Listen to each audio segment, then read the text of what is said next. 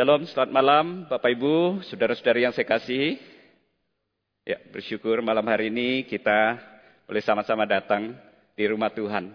Kita sudah berdoa, kita sudah memuji Tuhan. Dan saat ini kita sama-sama akan merenungkan satu bagian firman Tuhan. Malam ini kita akan belajar dari Mazmur 101 ayat 1 sampai ayat yang ke-8. Saya rindu mengajak kita untuk baca bagian ini secara bertanggapan. Saya membaca satu ayat, Bapak Ibu Saudara membaca satu ayat dan nanti bertanggapan atau bergantian sampai selesai. Elai memberikan tema seorang raja bernasar. Ayat 1, Mazmur Daud. Aku hendak menyanyikan kasih setia dan hukum. Aku hendak bermasmur bagimu, ya Tuhan.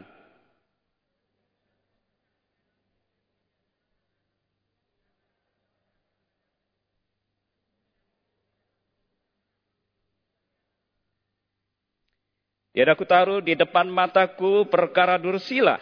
Perbuatan murtad aku benci. Itu tak akan melekat padaku.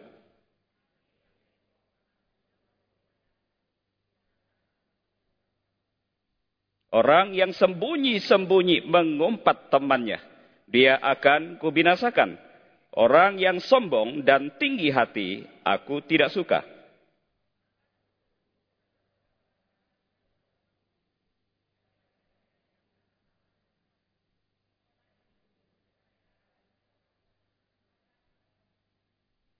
Orang yang melakukan tipu daya tidak akan diam di dalam rumahku Orang yang berbicara dusta tidak akan tegak di depan mataku.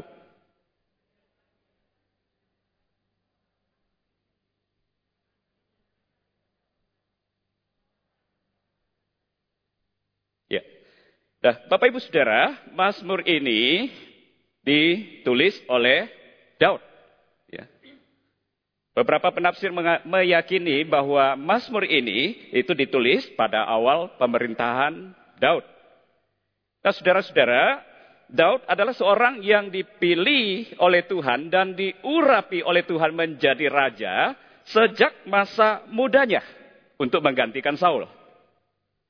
Nah dia tentu, suruh sekalian, sudah memikirkan dengan baik bagaimana pemerintahannya nanti dan sebagai raja apa yang harus dia lakukan.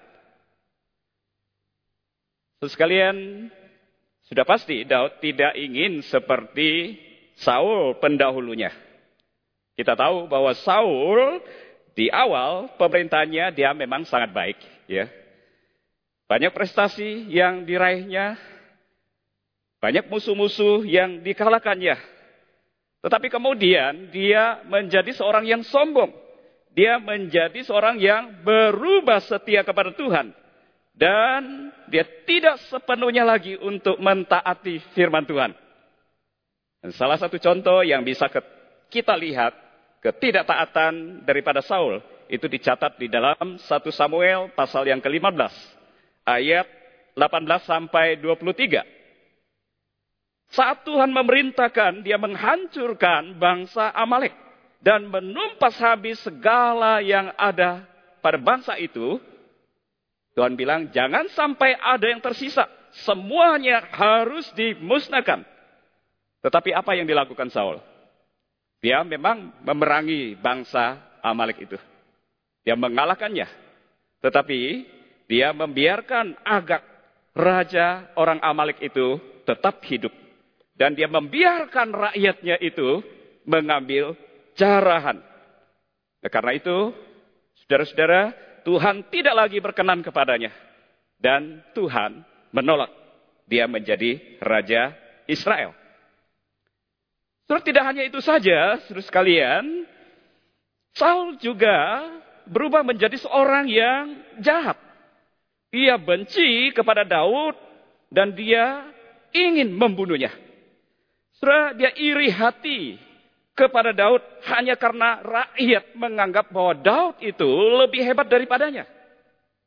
Saul dikatakan mengada, mengalahkan beribu-ribu musuh dan Daud itu berlaksa-laksa Hanya karena itu, sekalian maka timbul kebencian, timbul iri hati, timbul keinginan untuk membunuh dan membinasakan Daud.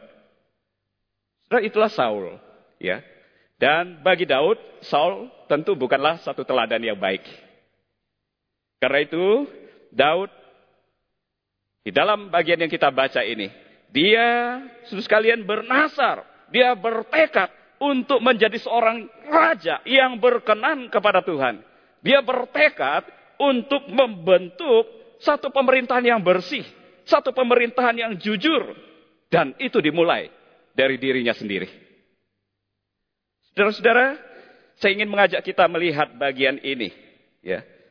Tekad yang diungkapkan oleh Daud di dalam Mazmur 101 ini. Yang pertama, sus kalian, Daud dia ingin menjadi seorang raja yang terus-menerus meninggikan kasih setia Tuhan dan hukum Tuhan. Dikatakan di ayat yang pertama, saudara sekalian, aku hendak menyanyikan kasih setia dan hukum. Aku hendak bernasar bagimu, ya Tuhan.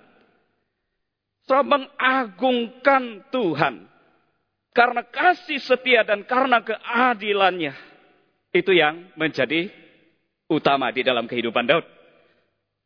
Karena apa? Karena Daud sendiri, sekalian dia sudah mengalami begitu banyak kebaikan Tuhan, kasih Tuhan. Berkali-kali Tuhan menyelamatkan dia dari tangan musuh-musuhnya. Baik dari Goliat tentara Filistin yang begitu besar dan perkasa itu.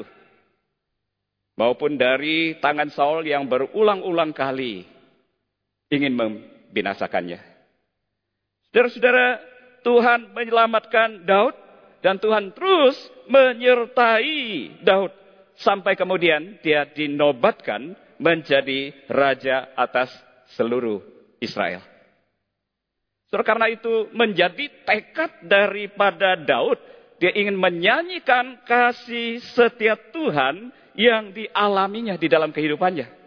Dia ingin menyanyikan hukum Tuhan, Taurat Tuhan yang menjadi pegangan hidupnya. Saudara, itu Daud. Ya. Dia utamakan Tuhan di dalam kehidupannya, walaupun dia sudah menjadi orang nomor satu di Israel. Tetapi dia tetap bertekad untuk menjadikan Allah sebagai pusat hidupnya.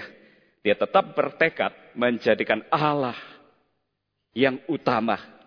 Dia berpegang teguh pada kasih dan hukumnya. Dan dia berharap, sekalian, tentu dia bisa meneladani Tuhan di dalam kehidupannya sebagai seorang raja yang kemudian bisa memimpin bangsa Israel dengan kasih dan keadilan. So, itu yang pertama. Yang kedua, sus kalian, yang kita lihat dari Mazmur 101 ini, Daud dia bertekad untuk hidup tidak bercelah. Di ayat yang kedua sampai ayat yang kelima. Di ayat yang kedua, di situ dia katakan, aku hendak memperhatikan hidup yang tidak bercelah. Bila manakah engkau datang kepadaku, aku hendak hidup dalam ketulusan hatiku di dalam rumahku.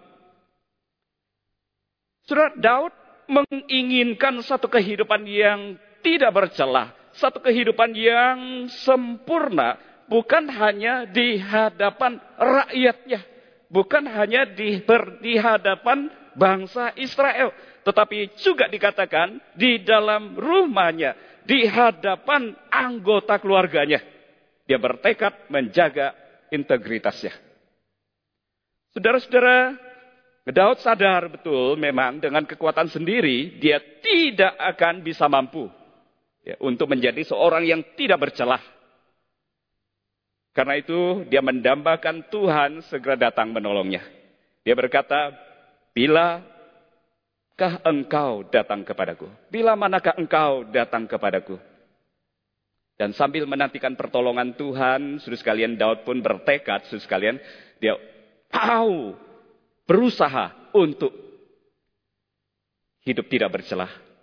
Ayat yang ketiga sampai ayat yang kelima kita bisa lihat di situ tekad daripada Daud yaitu menjaga dirinya dari hal-hal yang negatif seperti perilaku dursila, perbuatan murtad, hati yang bengkok, kesombongan, tinggi hati.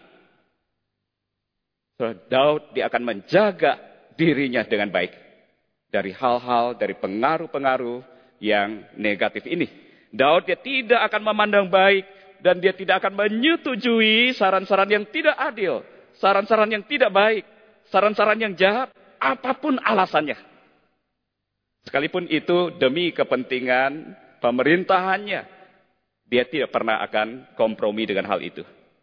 So itu tekad Daud untuk menjaga hidupnya yang tidak bercela di hadapan Tuhan, di hadapan rakyatnya, dan di hadapan keluarganya. Lalu tekad yang ketiga yang bisa kita lihat di sini, Daud dia bertekad membentuk satu pemerintahan yang bersih, satu pemerintahan yang jujur, satu pemerintahan yang berkenan kepada Tuhan. Di ayat yang ke-6 sampai ayat yang ke-8.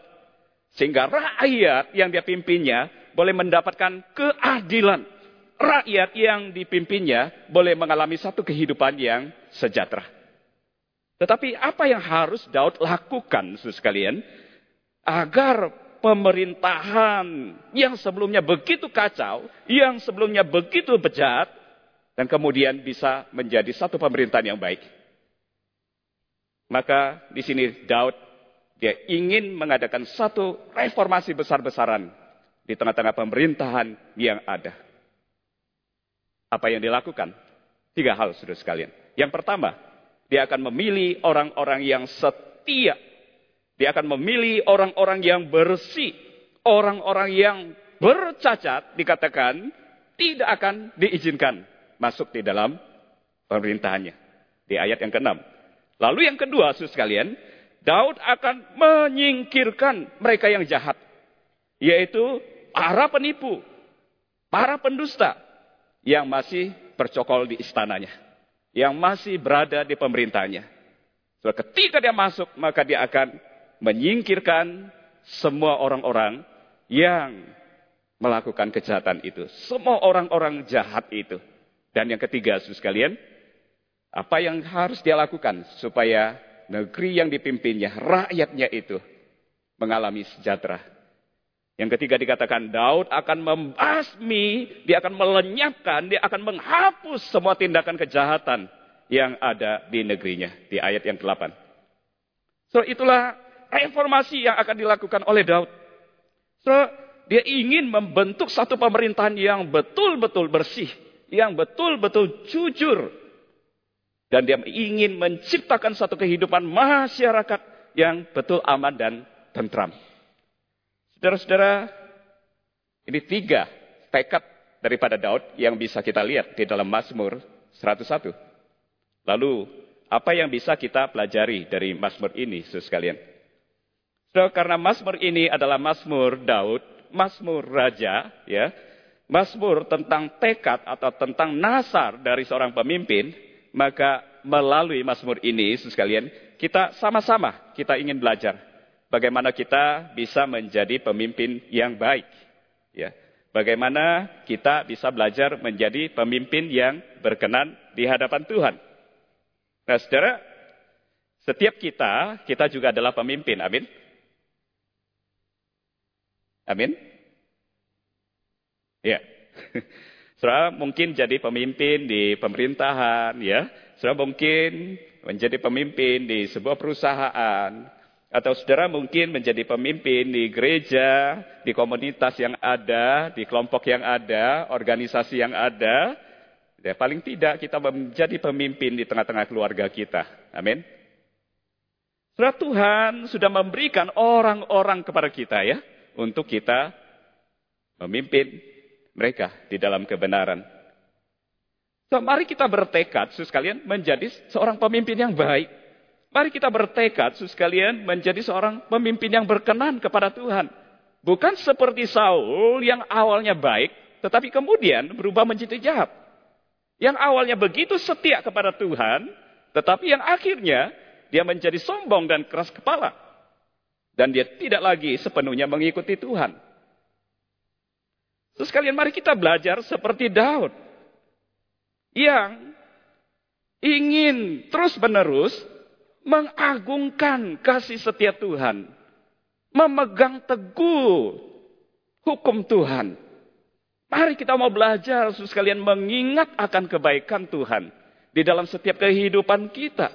Memegang teguh firman dan hidup seturut dengan firman. Tuhan begitu baik dalam hidup kita. Dia telah menyatakan kasihnya yang besar pada kita. Dia telah meluputkan kita dari kebinasaan melalui pengorbanannya di atas kayu salib. Dia telah memberikan hidup yang kekal bagi setiap kita yang percaya kepadanya.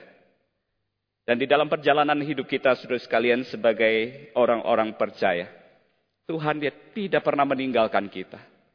Dia selalu menyertai kita. Dia memberkati kita dengan kelimpahannya. Dan dia terus memberikan firman. Dia terus memberikan tuntunannya. Dia terus memberikan kita satu pegangan di dalam kehidupan kita, yaitu firmannya. Karena itu saudara, biar kita boleh bertekad menjadi seorang pemimpin yang sungguh-sungguh tahu bersyukur kepada Tuhan atas kasih dan kebaikannya. Dan kita meneladani Tuhan kita yang telah menyatakan kasih dan kebaikannya. Dan kita ingin, kita rindu menyatakan kasih dan keadilan kepada sesama kita. Yang kedua, saudara, kita belajar seperti Daud untuk tidak membiarkan hal-hal yang buruk hal-hal yang negatif itu mempengaruhi kita. Kita tidak membiarkan diri terseret dalam perilaku dursilah. Kita tidak membiarkan diri melakukan perbuatan murtad, perbuatan yang menyimpang dari kebenaran Tuhan. Saat ini kita melihat begitu banyak pemimpin yang jatuh. Jatuh di dalam ketamakan, ya. Tidak cukup dengan gaji yang didapatkan setiap bulan, tetapi dia juga harus memperkaya diri dengan tindakan korupsi. Ya, hidup di dalam ketamakan, jatuh di dalam dosa ketamakan. So, ada pemimpin gereja yang juga dalam jatuh dalam perselingkuhan. Sekalian lalu dia murtad meninggalkan Tuhan.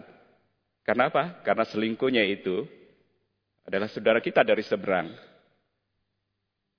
Ya, ini terjadi di kampung saya, saudara ya. Saudara, ada orang yang terseret di dalam perbuatan-perbuatan seperti itu. Ada pemimpin yang menghalalkan dengan segala cara, menghalalkan segala cara untuk apa? Untuk keamanan kedudukannya, saudara. Untuk mempertahankan kedudukannya. Saudara, mari kita belajar seperti Daud, saudara sekalian.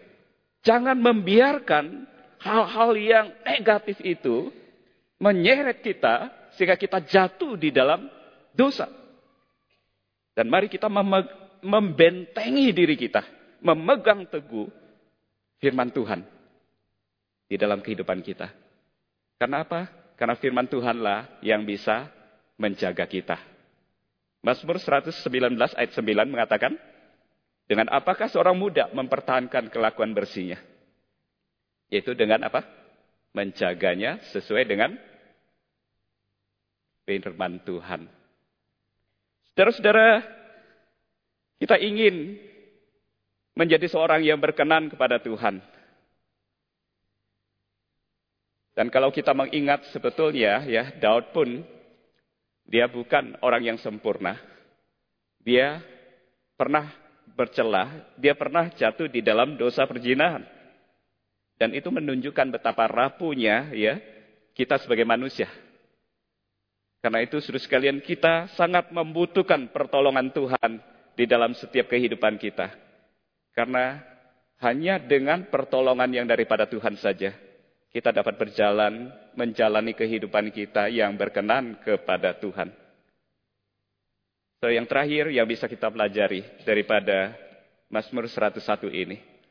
So, sebagai seorang pemimpin, kita juga harus berusaha untuk menjaga kawanan yang ada pada kita.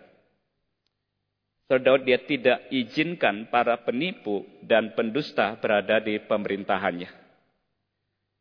Dia membasmi semua tindak kejahatan yang ada di negerinya. Dia menjaga seluruh kawanan yang Tuhan sudah berikan kepadanya. Bukan hanya di pemerintahan, tetapi juga di negerinya, rakyatnya, bangsa Israel, umat Tuhan. Dia jaga. Tuhan sudah memberikan kawanan untuk kita pimpin. Saudara-saudara, kawanan itu mungkin itu adalah pegawai kita. Mungkin itu adalah karyawan kita. Mungkin itu adalah jemaat yang Tuhan percayakan kepada kita. Mungkin itu adalah anggota kelompok kita. Mungkin itu adalah anggota keluarga kita. So, mari kita bertekad di hadapan Tuhan juga untuk menjaga mereka supaya mereka boleh memiliki kehidupan yang berkenan kepada Tuhan. Dan pada akhirnya, sudah sekalian, kita sadari bahwa gambaran raja atau pemimpin yang ideal, pemimpin yang sempurna seperti ini, memang belum ada di sepanjang sejarah daripada Israel. Tidak ada. Tadi saya katakan Daud pun akhirnya dia jatuh. Dia pernah melakukan dosa di hadapan Tuhan. Hanya Tuhan yang tiada bercela itu. Hanya Tuhan, dia yang sempurna. Hanya dia yang dapat memerintah dengan kasih dan keadilan. Dan hanya Tuhanlah yang dapat memberikan kedamaian bagi seluruh umatnya. Karena itu, dengan rindu kita menantikan Tuhan, menantikan kedatangannya yang kedua kali, yang akan memerintah atas seluruh umatnya, yang akan memberikan damai dan hidup yang berkelimpahan di dalam kasih dan anugerahnya. Mari kita tundukkan hati kita di hadapan Tuhan, saudara. Dan mari masing-masing kita introspeksi diri. Selama ini, pemimpin seperti apakah kita di hadapan Tuhan? Bagaimana perlakuan kita dengan orang-orang yang kita pimpin? Dan bagaimana kehidupan kita secara pribadi di hadapan Tuhan. Dan adakah kerinduan, niat, tekad, bahkan nasar di hadapan Tuhan. Untuk kita menjadi seorang pemimpin yang sungguh-sungguh berkenan di hadapan Tuhan. Yang menyenangkan hati Tuhan. Yang kemudian boleh memancarkan terang kasih Tuhan Tuhan kami datang kepadamu. Kami bersyukur, kami berterima kasih. Kalau Tuhan mempercayakan kami sebagai seorang pemimpin. Ada orang-orang yang Tuhan percayakan bagi kami untuk kami pimpin di tengah-tengah kehidupan kami. Kami berdoa Tuhan. Kami mohon Tuhan sendiri yang boleh menolong kami. Kami begitu rapuh, kami begitu lemah. Hanya pertolonganmu saja Tuhan, kami dapat menjadi seorang pemimpin yang berkenan di hadapanmu. Karena itu Tuhan topang kami, dan kami ingin hidup kami ini boleh sungguh-sungguh menjadi berkat bagi setiap orang yang kami pimpin. Dan terlebih hidupan pribadi kami, kami pun mohon kepada Tuhan untuk kami boleh terus pegang akan firman Tuhan yang boleh menjadi penuntun jalan hidup kami. Sehingga kami tidak menyimpang dari keinginan Tuhan. Dan kami boleh tetap hidup berkenan di hadapan Tuhan. Berkati jemaatmu ya Tuhan. Sertailah mereka, topanglah mereka. Jadikanlah mereka pemimpin-pemimpin yang Tuhan kepadanya berkenan. Terima kasih Bapak, ini doa kami. Dalam nama Tuhan kami Yesus Kristus, kami berdoa. Amin.